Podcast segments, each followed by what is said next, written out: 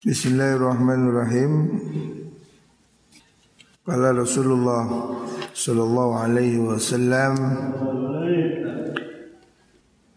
Inna syaitana niku Inna syaitan Qala wa izzatika ya Rabbi La abrahu Uwi ibadak ما دامت أرواحهم في أجسادهم. فقال الرب عز وجل وعزتي وجلالي وارتفاع مكاني لا أزال أغفر لهم ما استغفروني. حديث رواه أحمد. بسم الله الرحمن الرحيم. Iku kala ngucap sapa setan ucapakan ya Rabbi itu pangeran kula. La abrahu ora leren-leren ingsun. Iku agwi bakal nyasaraken ingsun. Ibadaka ing pira-pira kawula panjenengan. Madamat selagi silanggeng opo arwahuhum piro-piro rohe mengkuno ibadat. Fi adsadihim ing dalam piro-piro jasade ibadat. Faqala mukadau sub rabbu pangeran azza wa Wa izzati demi keagungan ingsun Wa jalali lan ditegesi keagungan ingsun La azalu ora leren-leren ingsun iku arf aghfiru bakal ngapura sapa ingsun laum baring ibad mastaghfaruni selakine isik jalu sepuro sapa ibad ni ing ingsun. Rasulullah sallallahu alaihi wasallam menyatakan riwayat tentang dialog setan dengan Gusti Allah ya. Setan bersumpah ya. Wa izzatika demi keagunganmu ya Rab wahai Tuhanku la abrahu saya tidak akan berhenti Agwi ibadak saya akan selalu menggoda, menyesatkan hambamu. Madamat arwahum fi adzadihim Selama dia masih bernyawa. Selama masih ada nyawa di tubuh manusia Setan ini bersumpah untuk terus menggoda. Makanya manusia ini bisa berubah-ubah. Asalnya baik jadi jelek ya. Asalnya jujur jadi curang. Nah digoda terus sama setan dan setan sudah bersumpah ya. Dalam Al-Quran mereka juga mengatakan begitu. La uwiyannahum ajma'in Illa ibadaka minhum al-mukhlasin. Qala fal haqq wal haqq aqul La amla'anna jahannama minka Wa mimman tabi'aka minhum ajma'in. Ini ada dialog zaman dahulu ya ketika setan diusir dari surga setan sudah bersumpah saya akan menyesatkan semua manusia ini akan saya beri godaan supaya mereka tergelincir ya. setan bersumpah ya, nggak main-main ya. jadi jangan diremehkan godaan setan dia sudah bersumpah ya La'uwiyannahum ajmain. Mereka akan saya sesatkan semuanya ya. Kecuali orang-orang yang mukhlasin Orang-orang yang ikhlas Orang-orang yang bertauhid ya, Itu tidak akan tersesat. Tetapi Allah juga berjanji Faqala Rabb Allah menjawab tantangan iblis itu Wa izzati wa jalali demi keagunganku. Allah juga bersumpah demi keagunganku, demi kemuliaanku sebagai Allah La azalu aghfiru. Saya akan maafkan semua. Jadi iblis bersumpah untuk mengganggu, menyesatkan manusia Sementara Allah juga bersumpah akan terus melindungi dengan istighfar Allah tetap akan memberikan ampun Selama manusia mau bertaubat Selama mereka yang bersalah itu mohon ampun Allah akan terus mengampuni mereka Tidak peduli berapa banyak dosa, dosa, dosa. Selama masih mau minta ampun, Allah masih siap. Ini loh enaknya Gusti Allah. Di apa? Disakiti, dilanggar, berkali-kali masih maafkan. Coba orang lain, kamu sakiti dua kali, tiga kali, dia pasti akan membencimu. Allah tidak pernah membenci hambanya Allah selalu menerima permohonan ampunnya Siang dan malam ya. Memang manusia ini sulit Tidak berbuat dosa itu sulit Sebab manusia ini ada unsur terbuat dari tanah Rendah Ditambah dengan roh Unsur malaikat tinggi. Manusia ini kalau jatuh rendah sekali Kalau naik tinggi sekali. Tengah-tengah ya naik turun. Setan selalu menggoda Tidak selesai. Ini sudah disumpah. Mereka mengatakan dalam Al-Quran begitu ajma'in. Saya bersumpah Akan menyesatkan mereka semua. Tapi Allah juga bersumpah Qala fal haq Wal haq wa akul ya. Allah juga bersumpah la anna jahannama minka wa mimman tabi'aka minhum ajma'in. Semua kata Allah yang sesat-sesat itu kamu pengikutmu saya cemplung non neraka kabeh. Ayo kuat-kuatan. Mau surga mau neraka. Tetapi Allah juga tidak mutlak-mutlakan.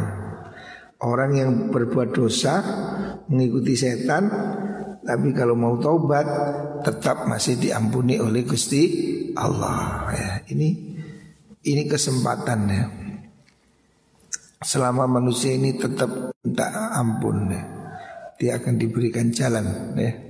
Tuhan masih mau mengampuni sebelum kita mati. Makanya setiap hari hendaknya semua orang ini beristighfar. Sedangkan Rasulullah Shallallahu Alaihi Wasallam Kanjeng Nabi ini makhluk yang tidak punya dosa sama sekali. Kanjeng Nabi dosanya tidak ada karena sudah diampuni Allah mata qaddama wa mata akhor dosa yang sudah dan akan diampuni semua. Akan tetapi kanjeng Nabi ini setiap hari masih istighfar lebih dari seratus kali ya. Padahal tidak punya dosa Nah kita-kita yang penuh dosa ini Jangan sampai tidak beristighfar ya Harus setiap hari wajibkan pada diri kita sendiri Apalagi di waktu sahur Di waktu tahajud ya Ini sifat orang mukmin. Wabil asharihum astaghfirun Di waktu sahur mereka mohon ampun ya. Makanya mohon ampun pada Allah ini lakukan setiap hari, setiap tahajud ya. Perbanyaklah istighfar ya. Supaya Allah masih mengampuni kita ya. Tapi ya jangan sembrono. Is Allah Maha Pemaaf terus duwendang ya teman-teman ya. Iya kalau mau tobat, kalau nggak tobat. Iya kalau diampuni, kalau tidak ya. Makanya harus hati-hati. Selanjutnya inna salihina yushaddadu alaihim. Wa innahu la yusibu mu'minan min syaukatin Fama fauqa dhalika illa huttat anhu biha khati'ah. Wa rufi'ah biha darujah Hadis rawahu Ahmad rawahu Hakim ada beberapa rawi yang meriwayatkan hadis ini. Imam Bayhaqi juga. Inna salihina sedune wong soleh Orang soleh Orang-orang baik iku yusaddatu dan abotakan sapa alaihim ing atase solihin ya. Jadi orang soleh ini memang cobaannya berat ya. Jangankan kita Rasulullah Shallallahu Alaihi Wasallam itu juga mengalami sakit, mengalami penderitaan, mengalami ya, lapar. Orang sehebat kanjeng Nabi itu aja masih mengalami ujian-ujian dalam hidupnya. Baik itu datangnya dari musuh-musuhnya, ya, orang-orang yang membenci dia, orang-orang yang menghalang-halangi dakwah. Kanjeng Nabi aja menghadapi rintangan, apalagi kita. Kanjeng Nabi juga sakit, ya. Kanjeng Nabi juga sakit. Kanjeng Nabi pernah disihir, ya. Jadi sebagai manusia Nabi ini juga mengalami kesulitan. Nah, ini riwayat hadis ini asbabnya diriwayatkan bahwa Sayyidah Aisyah ya memberi kabar bahwasanya Rasulullah Shallallahu Alaihi Wasallam itu sakit, dia mengeluhkan satu penyakit ya. Terus kemudian Nabi tidak mengeluh. Terus Sayyidah Aisyah melaporkan hal ini pada seorang sahabat. Terus Nabi mengatakan, Inna sholihina yushaddadu alaihi. Tenang aja, memang orang soleh itu mendapatkan cobaan, nah, kesulitan. Tetapi wa innahu la yusibu mu'minan. Wa innahu kelakuan niku la yusibu orang ngenani mukminan ing wong mukmin apa nukbatun belai min syaukatin sangking eri duri tertusuk duri. Fawan li perkara fauqha kang sak duri nukbah illa hutat angin den kurangi den sudo andu saking mukmin pihak lan mengkono syaukah apa khati'atun keluputan. Warufi alan den angkat lahu kudu mukmin pihak lan mengkono nukbah niku apa darajatun derajate jadi orang mukmin mendapatkan cobaan itu lumrah biasa Sedangkan Rasulullah Shallallahu Alaihi Wasallam orang yang terbaik di dunia ini juga mengalami sakit. Ya. Jadi kalau kita ada sakit, ya itu satu cobaan dari Allah. Ya. Jangan jadi takut ya. Hari ini orang takut corona akan lebih takut dari Gusti Allah. Pondok mau balik, saya ngumumkan bahwa pondok akan kembali tanggal 15 Juni. Ada yang tanya pokoknya mana ini? Pokoknya mana itu? Wah, orang takut. Orang masih ada yang takut. Nanti begini nanti begitu. Saya bilang ya kalau takut ya diem aja di rumah sampai kiamat. Hah? sampai kapan corona ini akan ketemu obatnya? Kita tidak tahu. Ada virus yang tidak ketemu selama-lamanya. Contoh HIV AIDS sudah berapa puluh tahun. Sampai hari ini belum ada vaksin HIV belum ada. Ya. Jadi kalau kita terus corona ini jangan mondok jangan ke masjid sampai aman. Aman berarti apa? Aman itu mungkin ya sampai ditemukan vaksinnya. Kapan? Ayo siapa bisa jamin menurut WHO nanti WHO WHO itu Organisasi Kesehatan Dunia. Dua tahun lagi Dua tahun lagi Baru ada vaksin corona. Nunggu dua tahun lagi. Kalaupun ada vaksin dua tahun lagi Umpamanya di Amerika Hari ini yang membuat vaksin itu Amerika, Israel, Cina. Nah tiga negara ini yang sedang berlomba-lomba bikin vaksin corona Kalaupun ada vaksin corona itu paling cepat tahun 2021 menurut WHO. Bahkan ada yang mengatakan tidak akan ketemu seperti AIDS. Taruhlah ada dua tahun lagi baru ketemu. Apakah langsung bisa dipakai? Belum. masih harus diuji coba. Dan kalaupun sudah diuji coba di Amerika, belum tentu cocok di Indonesia. Masih perlu adaptasi satu tahun lagi. Tiga tahun. Kalau sudah tiga tahun, cocok umpamanya di Indonesia, disebarkan ke semua puskesmas perlu waktu setahun lagi. Jadi kemungkinan tercepat itu empat tahun lagi baru ada obatnya. Eh, nah, terus apa kamu mau sembunyi di rumah empat tahun lagi. Itu kalau ketemu loh ya. Kalau enggak, hmm? Terus sebetulnya kenapa sih kita takut berlebihan pada corona ini apa? Coba lihat faktanya, faktanya ya. Jangan kata orang, fakta. Saya sudah membaca referensi keterangan dokter ini itu. Faktanya ya, orang kena virus corona ini 96% itu sembuh. Jadi tidak mesti corona mesti mati tidak ya, tidak. Corona ini seperti flu. Orang kena flu kan di mana-mana ya. 94 96 persen sembuh. Hanya ada kira-kira 2 persen sampai 4 persen ini yang perlu dirawat. Dari ini mungkin hanya 2 persen yang fatal. Karena apa? Dia memang sudah punya penyakit bawaan atau dia sudah tua tidak punya imun apa sudah melemah imunnya. Jadi kalau terjadi korban di Amerika, di Italia, di Spanyol itu terbanyak orang tua, orang yang sudah imunnya tidak kuat. Ya. Makanya sekarang semua dokter di dunia di Indonesia saya lihat videonya Direktur Rumah Sakit Tulungagung tadi malam diundang ke Nur 2 terus direktur rumah sakit Mataram, dokter-dokter sudah melihat kenyataan, ya, bukan gosip, kenyataan bahwa yang harus dilindungi itu orang tua. Memang betul. Orang tua ini rentan. Jadi orang yang usia 60 tahun ini harus dikarantina ini total. Ya. Bahkan ada yang mengatakan 50 tahun ini harus dimingkirkan. Ini bahaya ya, ini resiko tinggi. Sama anak kecil balita.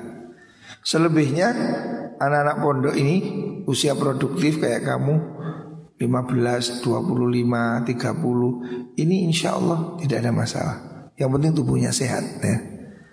Yang penting kamu selalu pakai masker, masker, cuci tangan, sanitizer sudah cukup ya. Karena penyebaran penyakit corona ini dari mulut, dari droplet. Ya. Sama dengan kasus penyakit HIV AIDS. HIV AIDS itu sampai sekarang belum ditemukan obatnya. Tapi bisa dicegah. Kenapa? Karena HIV AIDS itu penularannya dari mana? Dari manuk itu loh. Dari alat kelamin. Makanya yang di lockdown manuknya. Jaga nah, Maka kamu tidak akan kena aid Karena apa? Dia hanya menular melalui hubungan seks Nah kamu kalau tidak melakukan hubungan seks bebas Ya kamu aman Gitu Lah Corona ini dari mana penularannya? Dari itu apa ini droplet dari semburan air liur kalau kita bicara. Makanya kalau kita berdekatan dengan orang jarak satu meter wajib pakai masker. Ini sudah wajib, wajib secara kesehatan ya. Kamu naik mobil, kendaraan umum di pasar wajib. Karena apa? Kamu dekat dengan orang. Satu meter ini wajib pakai masker. Makanya untuk corona ini yang harus di lockdown ya mulutnya. Kalau HIV yang harus di lockdown kelaminnya. Kalau soal corona ini mulutnya yang harus di lockdown, di masker. Ya. Yang kedua cuci tangan, sanitizer. Selesai. Tubuhmu sehat, imunnya kuat, tidak ada masalah. Ya. Jadi obatnya itu ya imun ini, kekuatan tubuhmu ini. Makanya kamu harus selalu sehat ya. Siang hari berjemur, jam 10 siang, jam 12 siang berjemur ya supaya kepanasan. Ojo singitan kayak kamar aja keluar tubuhmu harus kena panas. Ini caranya ya. Jangan takut ya. Penyakit itu ada sejak dulu ada, mulai dulu sudah ada ya. Tetapi orang mukmin kalau sakit kata Rasulullah Wasallam itu dikurangi dosanya dan dinaikkan derajatnya. Warufi alan dan angkat lahu kedua mukmin pihak kelawan nukbah opo derajatun derajate. Jadi orang mukmin itu sakit sekecil apa pun, jangankan corona, kakinya kena duri aja loh atau kesandung. Orang mukmin ini kalau mendapat penyakit terus sabar ya, sabar loh kuncinya. Maka dia akan diampuni dosanya. Jadi salah satu cara Gusti Allah menghapus dosa kita itu dengan memberi kita rasa sakit. Walaupun pening, ngeluh, flu, itu cara Allah untuk mengurangi dosa kita. Makanya jangan ngersuloh ya. Jangan ngersulah Jangan sambat-sambat Sakit ya berobat gitu loh. Tidak perlu sambat-sambat Karena apa? Kalau kamu sabar Penyakit ini akan mengurangi dosa kita ya Dosa-dosa kita dikurangi Salah satunya dengan cara sakit ya. Ini cara Allah Makanya jangan terlalu takut ya Hidup ini jangan terlalu takut. Kamu kalau menghindari masalah hidup ini, ya bagaimana caranya ya? Menjauhi masalah yang kita hadapi ini, ya seperti menjauhi kehidupan ini. Hidup ini selalu penuh masalah. Di mana ada hidup tanpa masalah? Laqad khalaqnal insana fi kabad. Manusia memang diciptakan dalam kesulitan. Nah, jadi suka duka sakit ini sudah gawani urip ya. Ulama mengatakan dalam ayat Allah dalam Al-Qur'an menyatakan inna khalaqnal insana min nutfatin amsaj. Manusia ini diciptakan dari mani yang bercampur. Campuran ini apa? Ya senang, sedih, sudah, susah, gembira, sakit, sembuh. Ini sudah campurannya hidup ya. Tidak ada hidup bahagia terus, tidak ada. Hidup ini tidak seperti roti empuk ngemplok. Jangan kamu bayangkan hidup seempuk roti. Hidup ini ada kerasnya, ada sakitnya, ada ini fenomena hidupnya. Ini yang membuat kita kuat. Nah. Makanya kamu jangan merasa apa itu heran kalau dunia ini penuh cobaan. Virus corona sebelumnya sudah ada virus flu babi, flu burung, flu unta, TBC, banyak sudah penyakit. Di sekitar kita ini ada penyakit berbahaya yang kita itu lengah, TBC. TBC ini jauh lebih bahaya dari corona, ya. TBC, perhatikan keterangan dokter yang saya baca. TBC ini telah merenggut nyawa orang Indonesia 10 orang setiap jam. Jadi setiap jam di Indonesia ini ada 10 orang mati karena TBC. Setiap tahun korban TBC di Indonesia ini ada 98 ribu. Ya. Jauh corona cuma seribu. TBC ini lebih bahaya. Tapi kita kan nggak sadar. Ono wong watu dikira biasa padahal TBC loh itu bahaya loh. Orang yang watu terus menerus harus diperiksa. Karena TBC itu tidak ada obatnya, ya. TBC itu tidak ada obat yang cesplong, harus perawatan. Dan obatnya itu harus 6 bulan. Orang kena TBC minum obat sembuh harus minum sampai 6 bulan. Walaupun sudah sembuh. Karena apa? Virusnya belum mati. Tiga bulan dia sudah sehat, dua bulan sudah sehat, tapi minum obat enam bulan. Kalau tidak, kena lagi. Kalau kena lagi, minum obat satu tahun. Kalau kena lagi, dia minum obat satu tahun nggak selesai, kena lagi bisa dua tahun, rusak dia. TBC ini jauh lebih bahaya ya. Makanya anak-anak yang kelihatan waktu-waktu nyengkrik-nyengkrik itu harus diperiksa ya. TBC ini jauh lebih berbahaya dari corona dan itu ada di sekitar kita ya. Di Indonesia ini banyak kasus TBC ratusan ribu. yang meninggal setiap tahun karena TBC ini 98 ribu. Corona ini tiga bulan berapa sih korbannya? Masih 1500an. Nah, jauh korban TBC jauh lebih tinggi. Makanya hati-hati ya. Kita ini biasa-biasa aja, padahal itu berat. Ya. Corona di backup media, blow up, orang ketakutan. Nah. Jadi sebetulnya tidak perlu berlebihan. Hati-hati ya. Memang betul. Orang harus hati-hati. Makanya kita nanti new normal ya.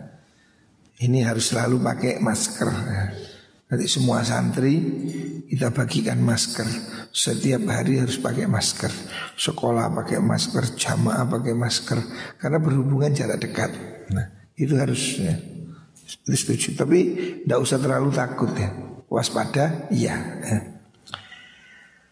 Rawahul Baihaqi an Aisyah. Inna sadaqata la tudfi'u an ahliha harul kuburi. Inna ni sodako Iku latut fi'u yakti Nyirep opo sodako An ahliha sing ahli sodako Harol kuburi ing panasi kuburan Ya. Ini fadilahnya sodako Sodako itu akan memadamkan api ya yang ada di kuburan. Jadi kita harus percaya ya kuburan manusia dikubur itu ada nikmat ada azab. Ya. loh lah kok kuburannya sepi? Iya kuburan ketok sepi re lawangan sing disiksa itu tidak kelihatan fisiknya ya.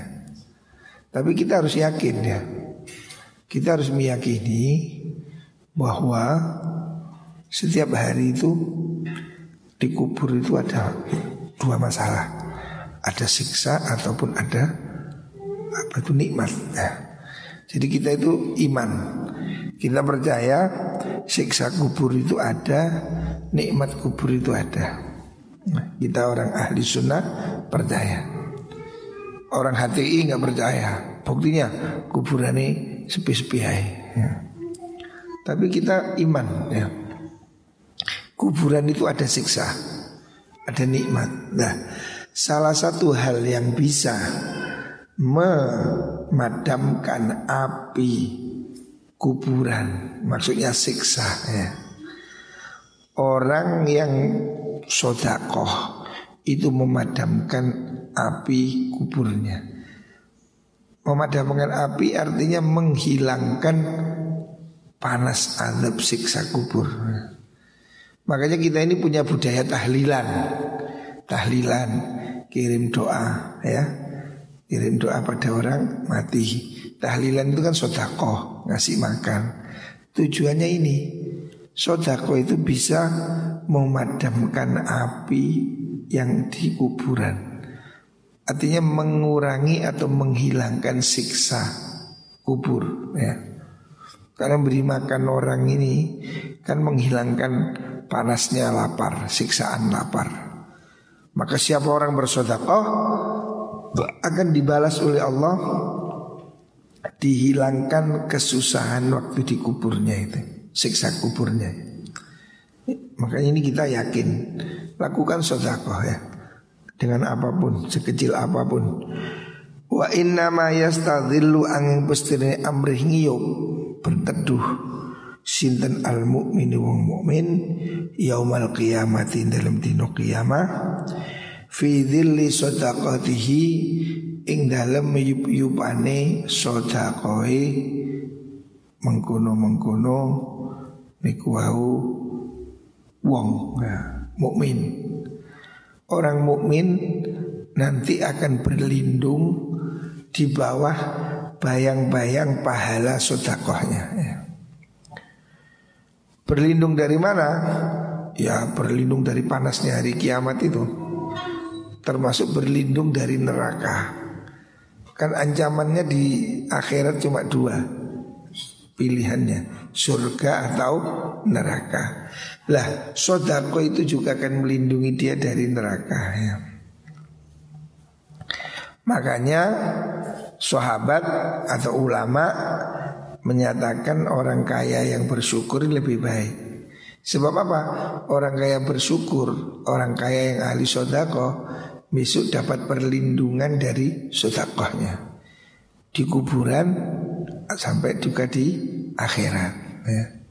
Makanya santri-santri Semua santri saya doakan semua jadi orang kaya Saya kepingin santri ini dua Pinter dan kaya Ojo wis goblok melarat Allah Astagfirullah Naudhu billah Santri-santri harus pinter Dan kaya Supaya apa? Sodakoh Supaya apa? Dilindungi Allah Di kuburan sampai hari kiamat. Kalau tidak kaya, ya nggak apa-apa. Ya, nggak kaya juga bisa masuk surga. Jangan khawatir, tidak kaya juga masuk surga. Kalau jujur. Inna rojula Benih Hadis Rawat Qabrani Innal abdaniku Innal abda sunni kaulo iku layatakallamu yakti guneman sopo abad. Guneman bil kalimati kelawan kalimat min ridwanillahi saking ridhoni Allah. La yulki hali ora nibaaken sopo ahad. Abad laha maring kalimat balan ing ati. Tapi yarfa'u ngangkat hu ing abad sapa Allah Allah biha kelawan mengkono kalimat darajatin ing pira-pira derajat Wa innal abda lan sunai kawula iku la yatakallamu yak diguneman sapa? Abad bil kalimati kelawan kalimat min sukhtillahi saking bendune Allah. La yulki hale ora nibaaken sapa had laha maring kalimat balan ing ati.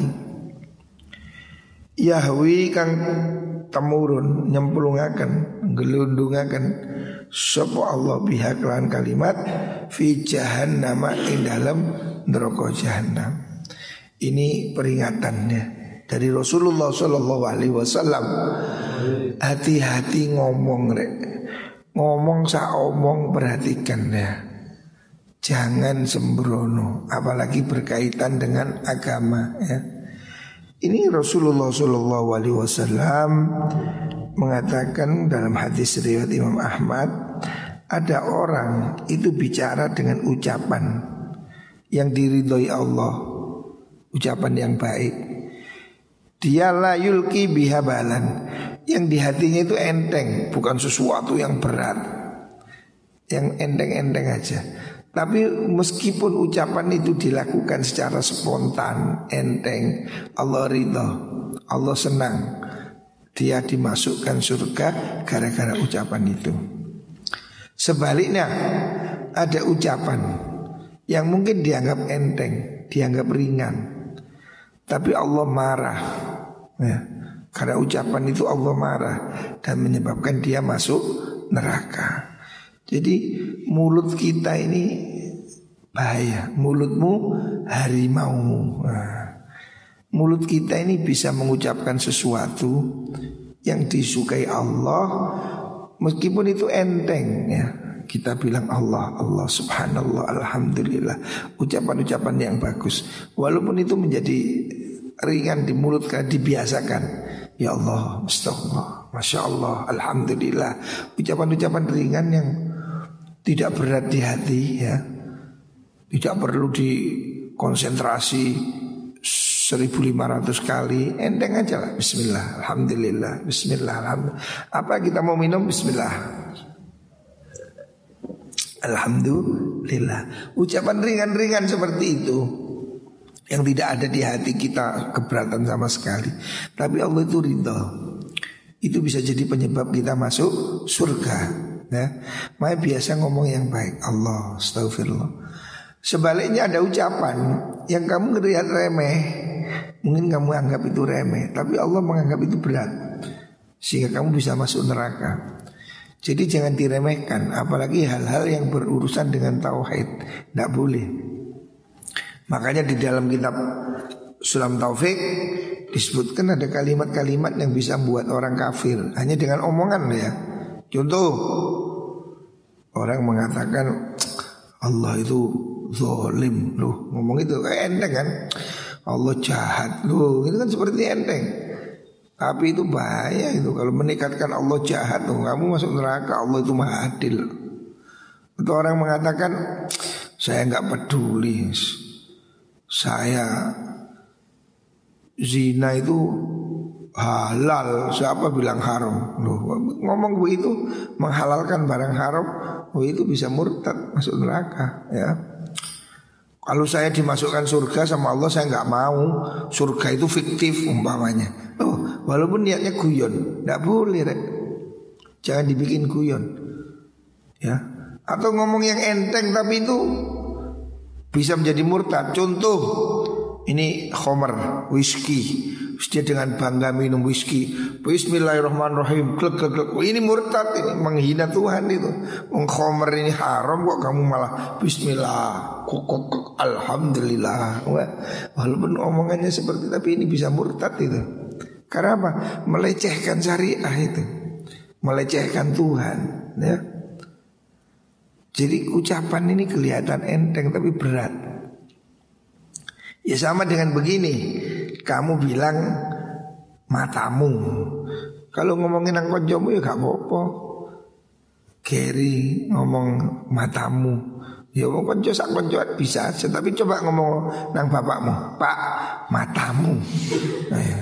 Nah, ditempeling kan Loh, matamu iya matamu ngomong nang konjomu mek ngomong nang bapakmu seje. Ayo ngomong nang presiden. Ono Pak Jokowi, matamu. Wah, ya di kandang sak katoke kan. Ucapan enteng tapi kepada siapa gitu loh. Kamu bilang ndasmu, nek nang ya gak apa-apa. Oh ndasmu itu ya gak apa-apa Tapi lek kon ngomong nang bapakmu Ndasmu ya berat Ucapan yang sama tapi kepada siapa gitu Makanya jangan sembrono ya. Ucapan kita ini bisa jadi bahaya bahasa kita. Orang bisa masuk neraka gara-gara ucapannya ya. Makanya kalau dalam kitab Sulam Taufik itu disebutkan contoh-contohnya. Orang dengan ucapan itu bisa menjadi murtad nah, Umpamanya orang itu menghalalkan barang haram. Siapa bilang whisky haram? Tidak halal Atau siapa bilang sholat wajib? Sholat itu cuma olahraga Loh, Orang melecehkan syariah begini Walaupun ngomong ini enteng Tapi ini bisa menjadi murtad ya. Melecehkan syariah Menghina syariah Tidak boleh. Dengan ucapan ataupun dengan perbuatan. Orang musyrik kan ya dengan ucapan tau Allah itu Tritunggal. Ya kan omong. Tapi kan itu menjadi dia musyrik ya Berbahaya Makanya hati-hati Orang dengan mulutnya bisa jadi sebab dia masuk surga tetapi dengan mulutnya juga orang bisa masuk neraka ya. Harus hati-hati ya. Jangan sembrono. Wallah